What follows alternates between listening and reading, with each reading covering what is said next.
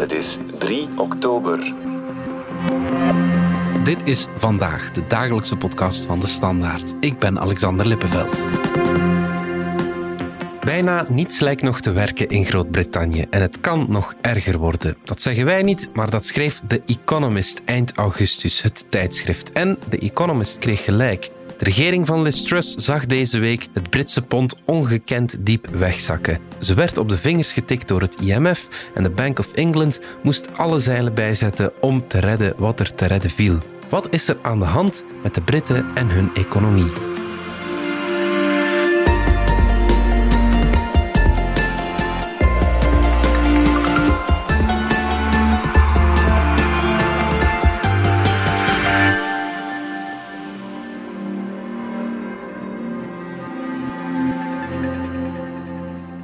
Ruben Mooiman van onze economie-redactie en Dominique Mente van onze buitenlandredactie. Dominique, jij was nog uh, niet zo lang geleden in Londen om Boris Johnson uit te wuiven.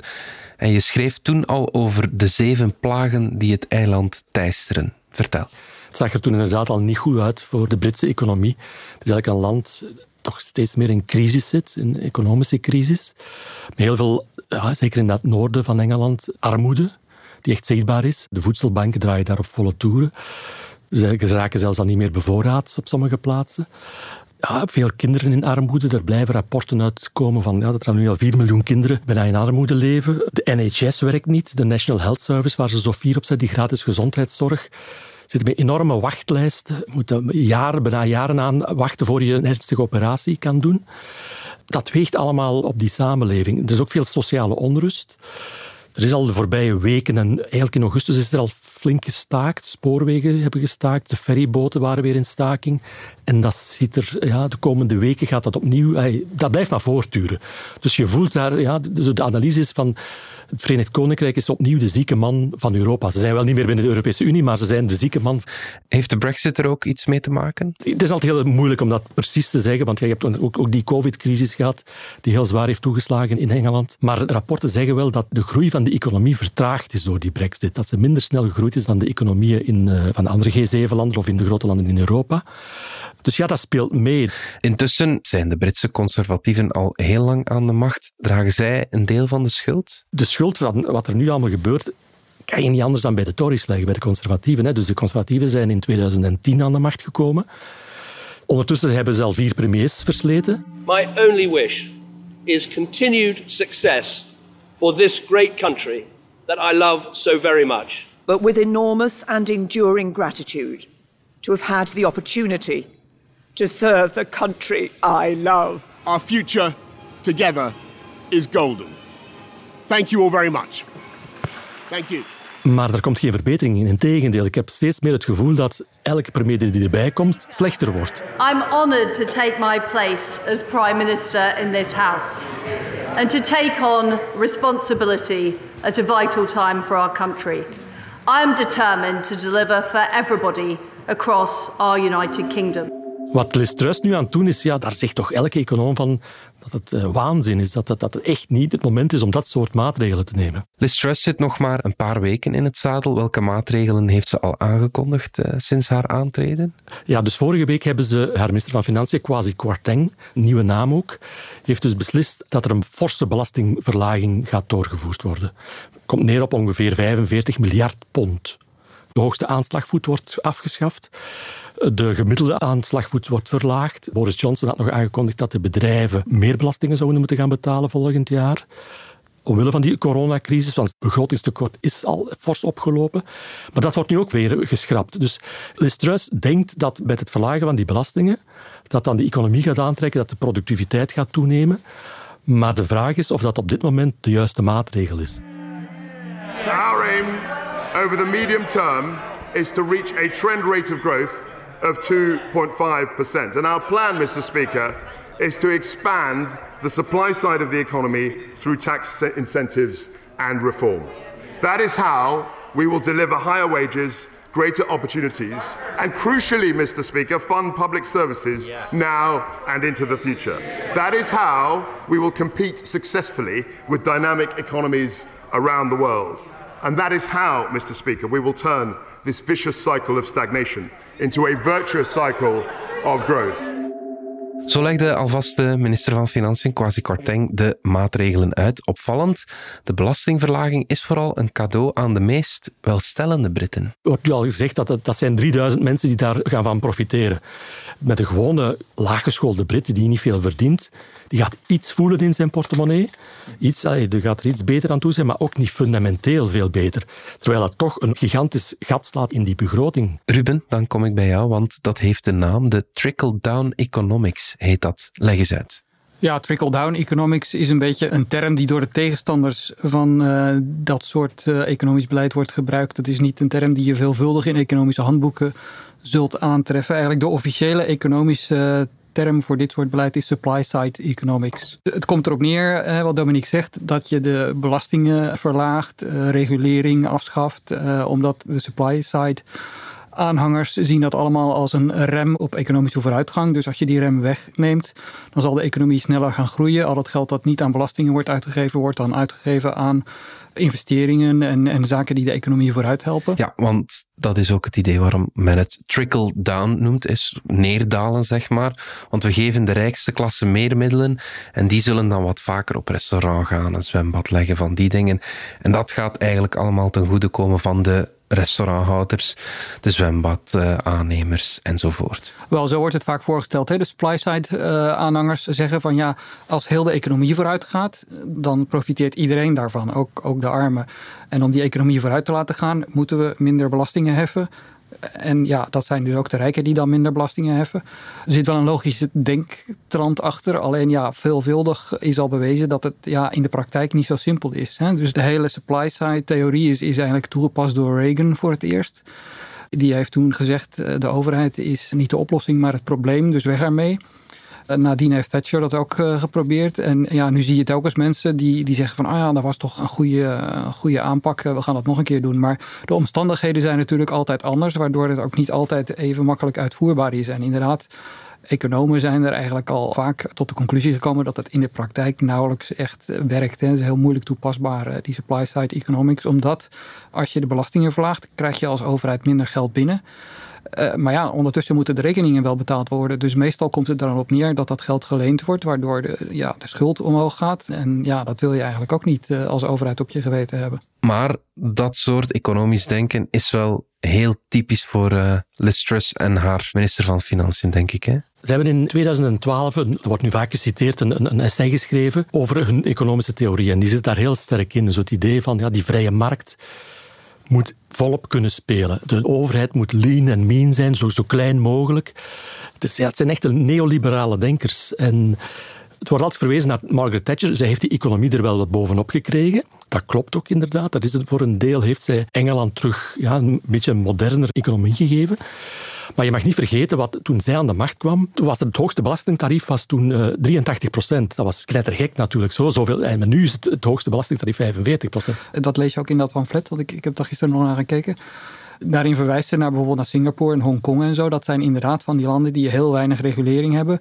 Een heel lage belastingen en toch een hoge welvaart. Maar ja, dat zijn natuurlijk landen die totaal niet vergelijkbaar zijn met Groot-Brittannië. Dat een heel uitgebouwde welvaartsstaat heeft. En gewoon een totaal andere eh, maatschappelijke structuur. Dus dat is denk ik de fout die zij maakt. Ja, dat ze een recept probeert toe te passen uh, dat elders wel gewerkt heeft, maar niet in een situatie zoals die zich nu in Groot-Brittannië voordoet. Wat Liz Truss nu doet, is de recepten van Thatcher toepassen, maar in een heel andere context. Engeland toen was ook nog, toen als Thatcher aan de macht kwam, de vakbonden hadden het toen daarvoor het zeggen. Dat land, dat, die economie, die draaide echt vierkant. En zij heeft de macht van die vakbonden serieus verkleind. Dat is misschien een goede zaak. Alhoewel ze in, in, in het noorden van Engeland daar misschien nog altijd wel wat anders over denken. Maar ja, dus ze heeft ook veel slachtoffers gemaakt door die maatregelen. Ik zeg dat dat noorden van Engeland, die industrie is daar redelijk kapot gegaan. En ze voelen daar nog altijd de gevolgen. Sommige streken zijn daar nooit bovenop gekomen. Plus nu, de Engelse economie, de laatste tien jaar, is al heel erg gedereguleerd. Het is niet dat dat, dat, dat nog een, een, socialistisch economisch model was, dat Thatcher erfde. Nee, de Truss erft eigenlijk een moderne economie die eigenlijk al heel erg gedereguleerd is. En zij wil dat nog vergroten, maar de vraag is, ja, op den duur heb je ook wel, en zeker in deze omstandigheden met een hoge inflatie, met de roep om, ook rond die energie, om ingrijpen van de staat, is, is dit dan het moment om dat soort maatregelen te nemen? Want Dominique Ruben zei het ook al, het Verenigd Koninkrijk heeft al een serieus overheidstekort. Hè? Ja, ja, ja, inderdaad. Ja. Dus dat loopt, het is nu al boven de 5 procent. Dus dat gaat ook weer blijven oplopen. Terwijl de conservatieven ook altijd de partij zijn geweest van nee, de huishoudboekjes moeten in orde zijn. Daar is ook David Cameron, toen hij in 2010 aan de macht kwam, erfde hij ook een heel groot uh, overheidsdeficit van, van Labour toen. Hij is dan ook enorm beginnen te besparen. Misschien ook weer terg beginnen te besparen. En nu, Truss zegt, hij zegt twee dingen tegelijkertijd. Zo van, ja, ik, ik, alles moet op orde zijn, maar met welk geld gaat ze dat doen? Want dat speelt ook nog mee. Haar voorganger, Boris Johnson, heeft de verkiezingen gewonnen in 2019 met grote beloftes aan dat verarmde noordelijk Engeland. Hij heeft gezegd, we, we level up. Dat was het, het modewoord, het buswoord toen, leveling up. Ook het, arme noorden, we moeten daar zo in investeren, infrastructuurinvesteringen, dat de economie daar terug beter gaat draaien. Maar ja, sindsdien die belofte is gedaan, daarmee heeft hij de verkiezingen gewonnen, heeft daar veel zetels kunnen winnen in, in die noordelijke streken. Maar die mensen daar hebben daar nog heel weinig van gezien. En als Truss nu die belastingen gaat verlagen, met welk geld gaat ze die investeringen nog doen? Dat vragen wij ons nu af. De Britten kijken met gemengde gevoelens naar dat mini-budget, zoals de plannen genoemd worden. Sommige zijn ronduit afkeurend. We luisteren even naar een paar reacties. England's getting worse, to be honest. So yeah, it's, it's a stupid move, a dumb move, obviously. On the one hand, you could argue that it's a good strategy because it'll attract um, sort of businesses to come and set up their establishments in um, in London. So to that extent, perhaps it is a um, good decision. But uh, on the other hand, again, it's going to reduce the overall, um, say for instance, the money that can be alloc- allocated to welfare benefits, things like that. So to that extent, perhaps it's not a good decision. Uh, I think it's great that there's so many budget. I think we needed to pause, take a bit of time. We needed some change. So it's great to see that there has been a mini budget. I think for housing, if they do, and I haven't heard yet, that they're looking to actually pause stamp duty, I think that would be a great idea because I think housing is going to face a bit of a challenge. But yeah, I, yeah, it's good to have a mini budget. I just wish that during this time of national crisis that we were spending a bit more on those most in need. Maar het is niet alleen een belastingverlaging. Ze gaan ook veel meer geld uitgeven om de energiefacturen betaalbaar te houden. Hè? Dat is een andere belofte die ze heeft gedaan. Dus uh, de belofte is dat eigenlijk vanaf deze maand eigenlijk al de Brit zijn jaarlijkse energiefactuur mag nog maximum 2500 pond zijn. Dus dat is 2500 euro ongeveer ook per jaar. Dat is eigenlijk niet zoveel als je dat vergelijkt met België. De gemiddelde Belg, denk ik, betaalt meer. Maar dat, ook daarvoor, ze hebben nu berekend dat, dat, dat er minstens 100 miljard pond voor nodig is om die factuur te betalen. Ook dat geld gaat ze nog eens lenen. Dus ja, en dan, ja, met welk geld gaat ze dan nog die NHS, die, die ziekenhuizen die moeten gebouwd worden, die NHS die moet verbeterd worden, bij welk geld gaat ze dat doen? Er zijn grote infrastructuurwerken, treinlijnen naar het noorden, die zouden gebouwd worden. Bij welk geld gaat ze dat doen? Dus ja, dat, ze botst voortdurend op de gevolgen van dat beleid. Ja, het pijnlijke is natuurlijk eh, dat Truss en, en zijn dan de grote aanhangers van de markten, hè, de vrije markten. Maar het zijn nu diezelfde markten die haar eigenlijk terugfluiten. Want ze zeggen, ja, jouw beleid is niet uh, gefundeerd. Eh, je gaat alleen maar geld lenen. en dat gaat helemaal fout aflopen. De overheid heeft geen inkomsten meer straks. Dus ja, zo kan het niet langer. en, en dat was ook de oorzaak van die financiële turbulentie die zich voordeed. De markten hebben haar eigenlijk teruggefloten. Wacht Ruben, dat moet je even uitleggen. Dus de vrije markt, waar ze zo in gelooft, is Liz Truss met haar beleid nu aan het afstraffen. Ja, inderdaad. Het waren de financiële markten die eigenlijk zeiden van uh, dit gaat zo niet langer meer.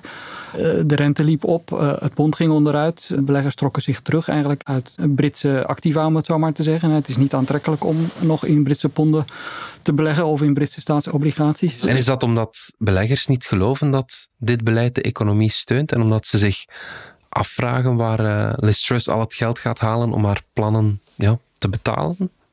Ja, dus dit beleid komt erop neer dat er veel uitgaven gedaan worden terwijl er geen inkomsten tegenover staan. En dat betekent dat er dus heel veel geleend moet worden.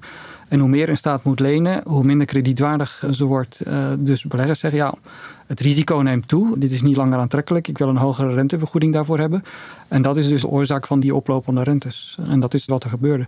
En ja, het pijnlijke voor Liz Truss was dat niet alleen de financiële markten eigenlijk zeiden dat haar beleid fout was, maar ook het IMF tikt daar op de vingers. Hè. Dus normaal gesproken komt IMF pas met uh, opmerkingen over uh, het beleid als dat helemaal fout loopt. Uh, genre Venezuela of Zimbabwe of zo. Maar nu was het Groot-Brittannië dat op de vingers getikt werd. Dat is, dat is eigenlijk zelden gezien. En dan is de Bank of England vorige week ook uh, moeten tussenkomen. Wat hebben zij gedaan? Ja, inderdaad. Om die rente wat te kalmeren, heeft de Bank of England besloten om opnieuw uh, Britse staatsobligaties te kopen. Dat is de klassieke manier waarop de rente ja, weer wordt naar beneden getrokken. En eigenlijk was dat een beetje tegen de zin van de Bank of England. Want ja, ze zijn juist bezig met het beleid om dat soort operaties niet langer te doen. Hè. Dat, dat was in uit de tijd van de lage inflatie, maar nu is de inflatie heel hoog.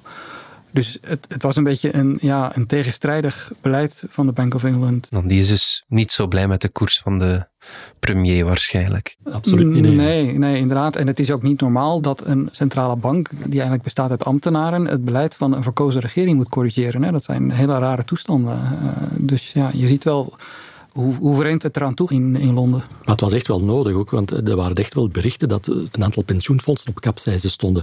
Als de Bank of England niks had gedaan, dan was dat, uh, ja, dat had dat zomaar kunnen gebeuren. Je ziet ook dat die, die hypotheekleningen de voorbije week zijn enorm gestegen. Waardoor mensen die dus een, een, een, lening hebben voor een huis, die zien nu plots een maandelijks aflossing met, met honderden ponden stijgen. Dus uh, ja, er is, er is echt paniek daar in, in Engeland en niemand is blij. We gaan er even uit voor reclame. Wil jij je passie omzetten in Lego-stenen? En wil je iets verwezenlijken? Met je eigen handen. Het plan uitvoeren, blad na blad, stap voor stap. Super gefocust. Je bent in het moment. En je ziet het voor je ogen groeien. Lego bouwplezier. Dat is toch het schoonste wat er is? Wil jij ook je passie omzetten in Lego-plezier? Zoek dan snel op Lego sets voor volwassenen. Terug naar Engeland dan. Dominique, we hadden het net over alle onheil die Liz Truss met haar plannen heeft veroorzaakt. Misschien moet ze die plannen weer gewoon opbergen. Ja, maar de signalen die ze vorige week ook nog heeft uitgestuurd, wijzen daar niet op. Nee, ze gaat gewoon door. Maar het wordt steeds pijnlijker. Ze, ze probeert nu haar PR wat te verzorgen. En ze is bijvoorbeeld uh, donderdag is ze langs alle lokale radiostations van de BBC gegaan om haar plannen nog, nogmaals te verdedigen. I think we have to look at what situation this country would be in if we hadn't acted. People were facing fuel bills, energy bills of up to £6,000. We had very high inflation expectations and an economic slowdown. What was right is that Britain took decisive action to help people get through what is going to be a difficult winter. Maar wat je dan krijgt is kritiek. Dus uh, ze komt heel geforceerd over. Ze, de, de, antwoorden die ze geeft zijn steeds dezelfde. Het lijken de beruchte debatfiches die, die ze voorleest. En ze krijgt dan nu kritiek op van de presentatoren en ook van de luisteraars, die dus wel echte vragen zitten, maar daar fietst ze langs. Ook Kwarteng geeft niet aan dat hij het geweer van schouder wil veranderen. Ik denk dat hij dat voorlopig ook niet... Allee, ja, dat zou enorm gezichtsverlies zijn als ze nu plotseling na, een week al blijkt dat het niet werkt wat ze, wat ze hebben met veel bombarie hebben voorgesteld.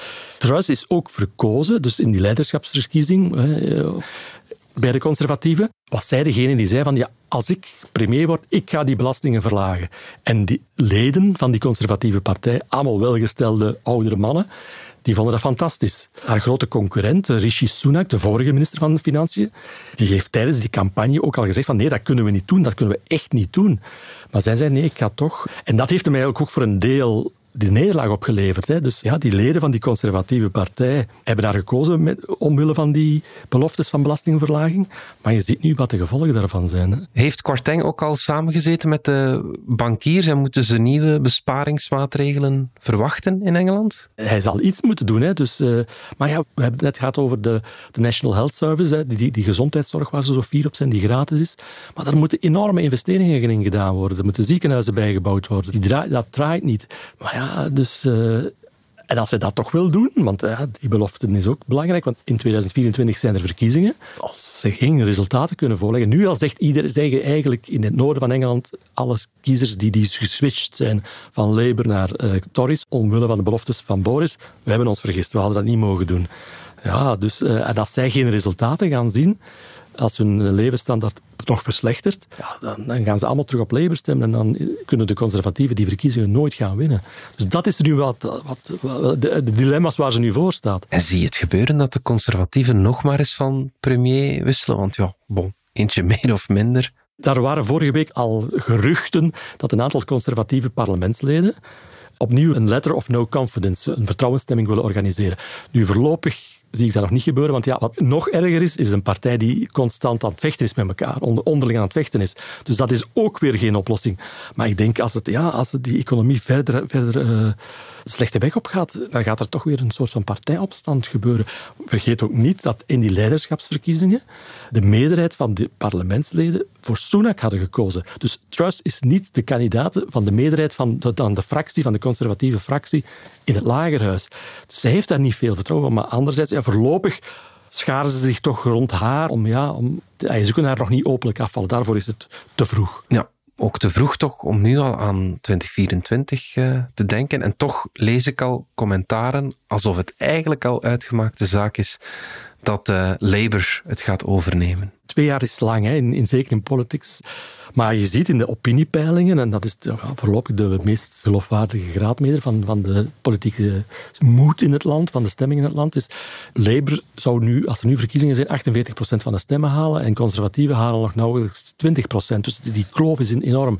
Dus ik denk wel, als, er, als die regering zou vallen en er zouden nieuwe verkiezingen komen, dat Labour aan de macht komt. Terwijl ze met Keir Starmer, dus een voorman, nog altijd niet een echt goed boegbeeld hebben. Het is niet echt de meest charismatische leider, maar ja, hij straalt nu wel een soort van... Ja, hij heeft altijd een beetje een saai imago gehad, maar hij is wel betrouwbaar. En dat denk ik dat de Britten nu toch wel stilaan beginnen te appreciëren. Aan iemand die geen gekke dingen zegt, die ook geen flamboyante dingen, flamboyante uitspraken doet, maar die wel gewoon denk ik, het land gewoon fatsoenlijk wil gaan besturen. Met een soort van centrumkoers, die een centrumkoers wil varen. Ik denk dat het land daar dan nu wel, veel Britten daar nu wel nood aan hebben. Ruben, tot slot, als het pond zo wegzakt, dan is het misschien wel een goed moment om een uh, citytripje naar Londen te boeken. Het is altijd een goed moment om een citytrip naar Londen te boeken. Maar uh, inderdaad, dat is een voordeeltje dat je, dat je nu erbij hebt. Ja. Ik was eh, vorige week ook nog in Londen. En inderdaad, nu kan u terug op restaurant gaan. En dat zijn gewoon Belgische prijzen ondertussen terug. Dus op dat vlak is het is inderdaad is iets beter. Terug. Je kan nu beter naar Engeland gaan dan naar, naar de VS. Goed, Ruben Mooiman, Dominique Minten, dank jullie wel. Graag gedaan. Graag gedaan. Dit was vandaag de dagelijkse podcast van De Standaard. Bedankt voor het luisteren. Volg ons op Spotify, Apple Podcast of eender welk ander podcastplatform. In onze gratis FDS podcast kan je niet alleen ons werk beluisteren, maar ook de beste podcasttips terugvinden met zorg geselecteerd door onze redacteur Max de Moor. Alle credits van de podcast die je net hoorde vind je op standaard.be-podcast. Reageren kan via podcast.standaard.be. Morgen zijn we opnieuw.